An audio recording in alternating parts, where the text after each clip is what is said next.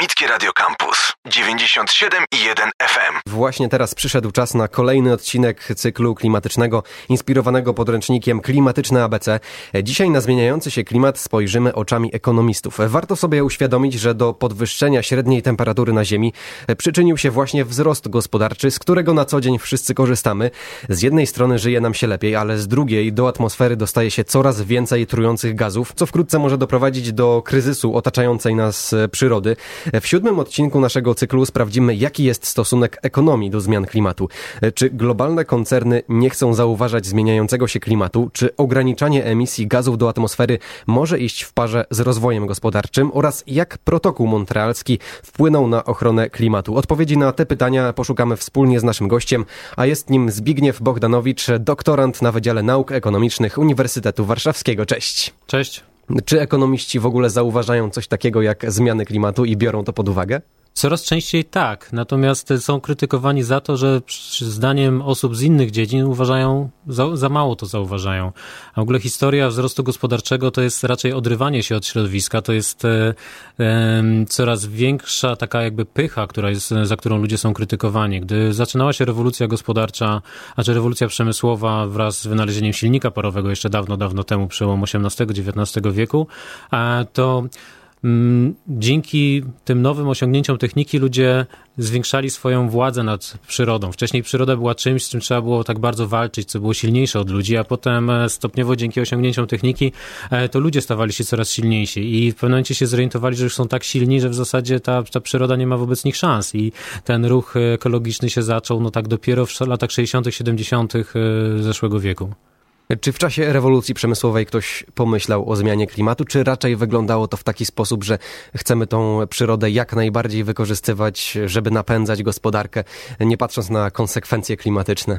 No wiesz, raczej to drugie. No, y, trzeba pomyśleć, jakie to były czasy. Wtedy ludzi było kilkukrotnie mniej, e, ludzie e, e, no, nie dominowali tak bardzo w świecie. Znacznie więcej było tej dzikiej natury, która nas otaczała i ludzie mieli takie przekonanie, że jest tego taki no, wielki bezkres, że tego się nie da zniszczyć. Trochę tak jak ludzie do tej pory myślą o oceanach, że tego jest po prostu zbyt dużo, żeby człowiek mógł tak wielką, bezkresną przestrzeń w jakiś sposób trwale zmienić.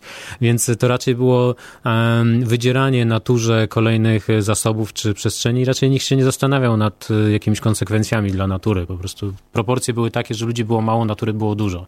Teraz się to zmieniło i zaczynamy zauważać, że no, po prostu dochodzimy do jakichś granic. To jest tak, jak wspomnieliśmy w jednym z odcinków, gdy spoglądaliśmy na zmiany klimatu e, z psychologicznego punktu widzenia, to my e, po prostu nie dostrzegamy tego, co dzieje się globalnie. Raczej mamy skłonność do tego, by zwracać uwagę na to, co dzieje się wokół nas, ale gdybyśmy mieli zacząć myśleć o tym, że na przykład przykład rozwój gospodarki wpływa na przyrodę na całej planecie, e, to jakoś trudno nam sobie to uświadomić. E, pod koniec lat 70. ubiegłego wieku prezydent Stanów Zjednoczonych Jimmy Carter wygłosił przemówienie nawołujące do tego, by ograniczyć konsumpcję, która powoduje e, wzrost zużycia energii, a co prowadzi z kolei do zanieczyszczenia atmosfery.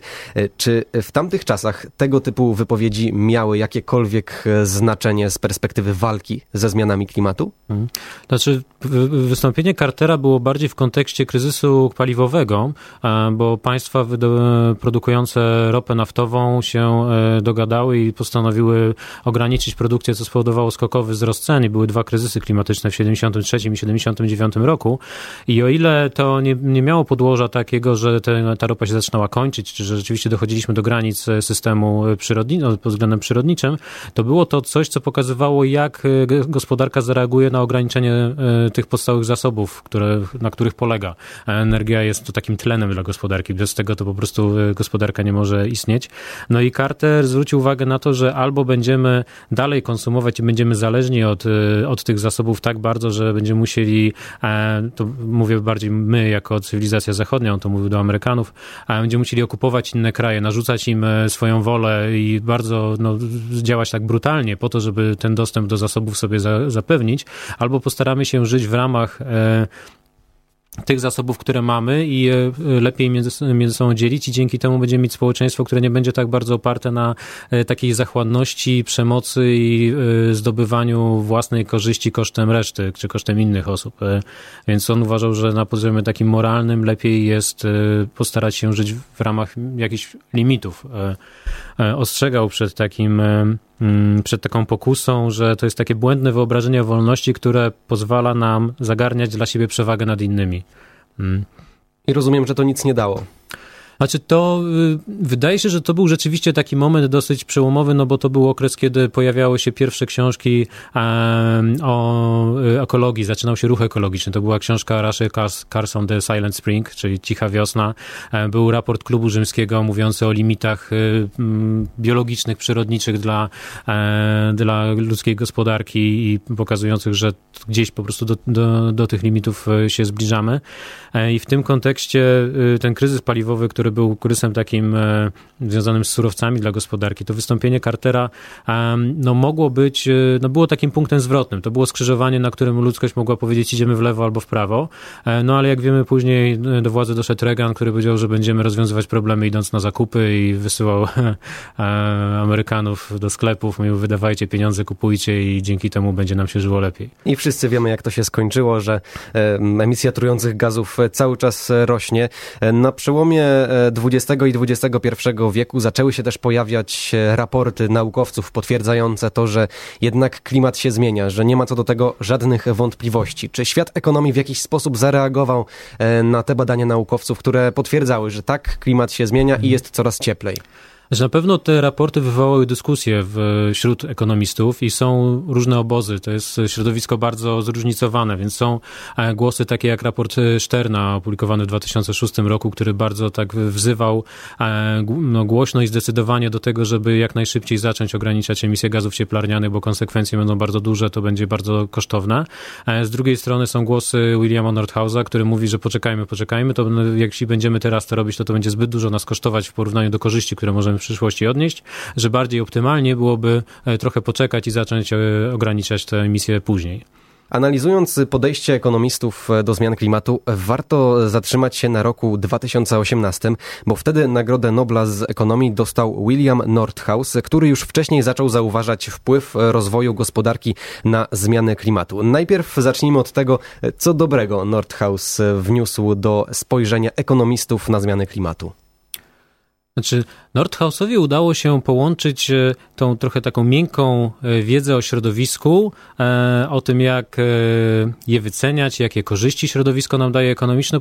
Potrafił to w formie liczb i wycen włączyć do nurtu ekonomii. Także ekonomiści długo traktowali środowisko jako coś zupełnie zewnętrznego, coś, co jest takim mm, no, z otoczeniem, które w sumie nie jest bardzo istotne. E, w zasadzie wszystkie modele wzrostu współczesne opierają się na e, dostępności kapitału, pracy, technologii, a środowisko to jest coś takiego, co mm, w zasadzie nie ma dużego znaczenia. E, a Nordhaus był osobą, która potrafiła do języka ekonomistów włączyć te tematy, więc to jest, to jest bardzo ważne.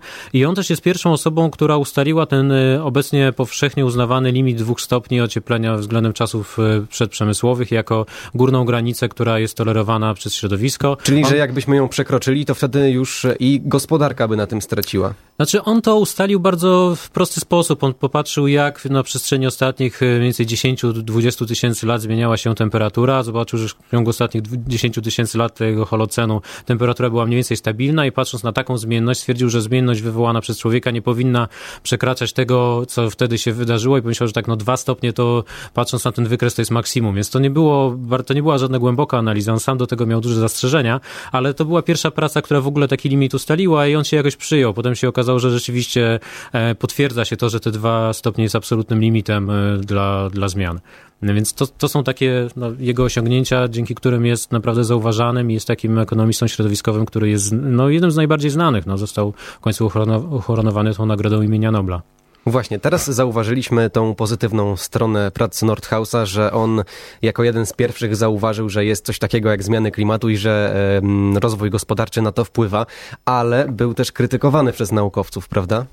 Tak, no jest krytykowany za to, że bazując na modelu, który przygotował, to jest taki model DICE, e, analizujący koszty i korzyści z ograniczania e, zmiany klimatu, a on dochodzi do wniosku, że ograniczanie zmiany klimatu w tej chwili jest zbyt kosztowne. No i jest za to krytykowany, no bo wielu ekonomistów i e, specjalistów z innych dziedzin, z biologii, z fizyki uważa, że no już teraz powinniśmy te zmiany ograniczać, ponieważ konsekwencje będą bardzo duże i tutaj mamy takie zderzenie tych wniosków z tego modelu Nordhausa, który mówi, że optymalne ocieplenie wychodzi, e, które y, dla gospodarki równoważy koszty i korzyści z ograniczania e, tych, tych, tych zmian, to jest jakieś plus 4 stopnie względem epoki przedprzemysłowej. Natomiast y, e, ludzie z innych dziedzin, specjaliści zajmujący się biologią i tym, jak żyje nasza planeta, jakie są fundamenty tego systemu podtrzymującego życie, mówią, że półtora stopnia, dwa to jest zupełne maksimum, co jesteśmy w stanie znieść e, bez no, kompletnej katastrofy i załamania sposobu, w jaki żyjemy. No więc tutaj mamy takie zderzenie, że to, co wychodzi z analiz ekonomicznych, jest daleko, daleko za e, granicą e, no, załamania zdaniem osób z innych dziedzin. I tutaj jest ten, e, ten spór. I tutaj widzicie, jak ważne jest interdyscyplinarne podejście do tematu zmian klimatu. To nie tylko biologia, to nie tylko fizyka, ale także ekonomia, co dzisiaj właśnie udowadniamy. Czy istnieje coś takiego jak ekonomia ekologiczna? E, istnieje, istnieje. Oczywiście wśród ekonomistów są bardzo różni ludzie, którzy mają i różne poglądy i w ogóle ekonomia jest nauką, wydaje mi się, dużo bardziej miękką, dużo bardziej społeczną niż się powszechnie wydaje. To nie tylko liczby i chłodne kalkulacje, ale to przede wszystkim jest analiza naszych decyzji, ludzkich decyzji, które podlegają wszystkim e, no, tym procesom, e, które nie są tak proste do obliczenia i wyrażenia jak w komputerze za pomocą zer i jedynek. Tutaj jest dużo miękkich rzeczy i ekonomiści są bardzo różni. Natomiast no, jest tak, że że trochę jak były te wybory między prezydentem Carterem a Reaganem, gdzie ludzie decydowali co wolą, gdzie Carter mówił ograniczajmy, pomyślmy o limitach, a Reagan mówił idźmy na zakupy i wydawajmy więcej, no to podobnie ludzie słuchają raczej tych ekonomistów, którzy zachęcają do tego, żeby kupować więcej, żeby się tak bardzo nie przejmować, że w sumie nie ma takiego dużego problemu, możemy iść e, właśnie na te, na te zakupy, tak jak mówił o tym Reagan. Natomiast ekonomiści ekologiczni oczywiście są i oni mówią tak, że powinniśmy trochę działać w obszarach swoich swoich kompetencji, że skoro są e, biolodzy, którzy zrozumieją dobrze ekosystemy i wiedzą, jaki wpływ człowieka na te ekosystemy przyroda jest w stanie znieść, to niech oni ustalą limity tego, niech oni powiedzą, ile maksymalnie możemy emitować, wyrobić śmieci, no wszystkich tych rzeczy, które, które e, do środowiska wyrzucamy, ile tego może być, a ekonomiści później niech zastanowią się nad alokacją tego, jak w ramach tego limitu najskuteczniej tym gospodarować. I wtedy byśmy mieli te kompetencje sensownie podzielone i byśmy tej przyrody tak nie niszczyli. Wydaje mi się, że to jest takie no zdroworozsądkowe i mądre podejście, no ale ono jednak zakłada nałożenie jakiegoś limitu na ten nasz wzrost, no, w którym żyjemy od dekad. Wszystko, co teraz robimy jest nastawione na wzrost. Wszystkie analizy ekonomiczne, czy to są kwestia polityki fiskalnej, czy monetarnej, czy jakichś e, paktów handlowych, no wszystkie te aspekty e, są analizowane pod kątem tego, jak bardzo one zwiększają nasz wzrost gospodarczy. A to się wyborcom nie podoba, tak jak było tak. w przypadku Reagana i Cartera. Tak jest. Jednak mimo tego, że um, Carter zauważał zmiany klimatu, to jednak wyborcy woleli e, pozostać przy rozwoju, zamiast się ograniczać i, i raczej nie myśleć o tym, że rozwój negatywnie wpływa na e, zmianę klimatu. Jak bardzo obniżyłby się światowy rozwój gospodarczy, gdybyśmy nagle ograniczyli emisję trujących gazów, gdybyśmy nagle zrezygnowali z gospodarki opartej na energetyce węglowej? No tu odpowiedź jest zaskakująca, bo nie jest to dużo. Żeby mieć kontekst do tej odpowiedzi, którą podam, pamiętajmy, że światowa gospodarka rozwija się o jakieś 3% rocznie. Czyli co roku mamy wszystkiego o 3% więcej. Według ekonomistów szacunki e, takie e, przejścia na tą e, energetykę niskoemisyjną, żeby tych gazów cieplarnianych nie emitować, one by nas kosztowały między 2 a 4% PKB rocznie. Czy to jest źle, czy dobrze? To jest, to jest bardzo mało, bo możemy sobie pomyśleć tak, że gdybyśmy zatrzymali nasz, czy wszystkie korzyści ze wzrostu gospodarczego przeznaczyli na ograniczanie zmian klimatu przez rok lub dwa i przez rok lub dwa zaakceptowali to, że nie będzie będziemy mieć więcej, tylko będzie tyle samo wszystkiego, co było rok temu, przez dwa lata byśmy coś takiego zrobili, no to te, ten dodatkowe e, środki e, z wzrostu przeznaczyli na ograniczanie zmiany klimatu, to to już by wystarczyło. Czyli to jest tak naprawdę zatrzymanie wzrostu na dwa lata. A potem już jedziemy dalej tak jak do tej pory. Czyli słyszycie, to jest bardzo ważne. Gdybyśmy nagle przestali emitować albo znacznie to ograniczyli, to wcale nie byłoby jakiegoś wielkiego globalnego kryzysu, tylko jakoś moglibyśmy sobie e, z tym poradzić. A jak nasza część świata, Polska, Europa, poradziłaby sobie w chwili, gdybyśmy nagle zrezygnowali z wszystkich elektrowni węglowych? Gdybyśmy to wszystko wyłączyli i korzystali tylko z elektrowni atomowych albo odnawialnych źródeł energii? Znaczy, no kłopot polega na tym, że nie jesteśmy w stanie tego tak nagle wyłączyć, że to są rzeczy, które trzeba planować. No jak budujemy elektrownię, no to najpierw jest wiele lat przygotowań, inwestycji, potem ona się buduje przez parę lat, a potem przez kolejne 40-50 jest eksploatowana. Więc e, no to są rzeczy, które trzeba e, planować na dekady. E, no i no, złe jest to, że my tego teraz no, nie robimy. Cały czas są planowane inwestycje w, w energetykę opartą na spalaniu paliw kopalnych. Też no, naszą infrastrukturę też tak budujemy. Budujemy coraz więcej nowych dróg, obwodnic, które, po których mają jeździć spalinowe samochody. Jakby nie, nie zmieniamy jeszcze tego kierunku. Teraz na tapet bierzemy wspomniany przeze mnie na początku protokół montrealski. E, wszystko zaczęło się od tego, że naukowcy zaczęli zauważać, e, jak niekorzystny wpływ mają freony, a to spotkało się e, ze sprzeciwem ze strony biznesu. Tak. Y Naukowcy zauważyli, że freony niszczą nam dziurę ozonową, która jest konieczna, y, żebyśmy mogli sobie zdrowo na naszej planecie żyć. E, no ale przemysł mówił, poczekajmy, poczekajmy, może jeszcze nie do końca wszystko wiadomo, e, może to nie jest takie straszne. No przemysł bardzo oporował, no bo y, te freony były potrzebne, potrzebne do produkcji lodówek, e, napędzały jakieś aerozole, dezodoranty. No było to, było to bardzo dobra substancja, która w przemyśle była szeroko stosowana. No i mm, zmieniło się to dopiero dopiero gdy e, firma DuPont, która była głównym producentem freonów, wynalazła e, i opatentowała substytut tych freonów. I, gdy już miała patent w ręce, czyli tylko ona mogła to sprzedawać, stwierdziła, dobra, to teraz zakażmy freony, będziemy sprzedawać naszą nową, e, naszą nową substancję. Aha, czyli najpierw się sprzeciwiamy, ale wymyśliliśmy coś nowego, więc okej, okay, teraz możemy od tego odejść. Tak jest. No i e, to, była, e, to była substancja CFC, którą teraz też widzimy, że często w dezodorantach jest, to, jest ten znaczek, e, jest ta substancja opisana, że tam się znajduje. E, no i m, mm, dzięki temu, że właśnie w tym całym przemyśle, on, ten przemysł nie był tak bardzo rozdrobniony, tylko był jeden duży gracz, który miał no, prawie monopolistyczną lub e, no w każdym razie bardzo silną e, pozycję i on się zdecydował na zaakceptowanie te, tych zmian prawnych, no to dlatego można było to wprowadzić. No i też była alternatywa która dała ogromne korzyści finansowe. Bo ta e, firma DuPont po, po tej zmianie zarobiła tak ogromne pieniądze, że e, był taki precedens w Stanach, że e, kongres uchwalił domiar dla, dla firmy DuPont, czyli dodatkowy podatek, który by zmniejszył trochę ich te astronomiczne zyski. Po prostu uznano, że to jest niemoralne, żeby aż tyle zarabiać. Czyli tu mamy tak, taki pierwszy przykład tego, dlaczego to się udało, dlaczego protokół montrealski się udał z biznesowego punktu widzenia. Kiedy NASA zbadała, e, jak wygląda sytuacja z dziurą ozonową, to wtedy wszystko się potwierdziło, że tak naprawdę e, dziura ozonowa jest w tamtym momencie była bardzo, bardzo duża i reakcją e, na to odkrycie, że mm, dziura ozonowa jest bardzo duża, była konwencja wiedeńska w 1985 roku. Czy ta konwencja była skuteczna? E, tak, no, ustalono tam, że, e, że właśnie te freony, już nie będziemy ich tak, e, tak emitować i to jest przykład konwencji, która zakończyła się dużym sukcesem, no bo rzeczywiście dziura ozonowa przestała się powiększać. No, mówimy formalnie dziura, to jest po prostu, to, to jest te, te gazy się tam mieszają, to po prostu jest jakby zbyt niskie stężenie w jakimś obszarze. No ale ten proces został zahamowany, wręcz ozon się odbudowuje i jest to przykład tego, gdzie rzeczywiście, przykład takiego działania, które e, pozwoliło rozwiązać ten globalny problem środowiskowy. Się okazało, że rzeczywiście znajdując e, dobre techniczne e, rozwiązanie, możemy je zastosować i wprowadzić w życie i naprawić ten, ten świat. A potem podpisano protokół montrealski, który był jeszcze bardziej skuteczny, bo tak. był wiążący dla, dla państw, które go podpisały, prawda? Tak, tak.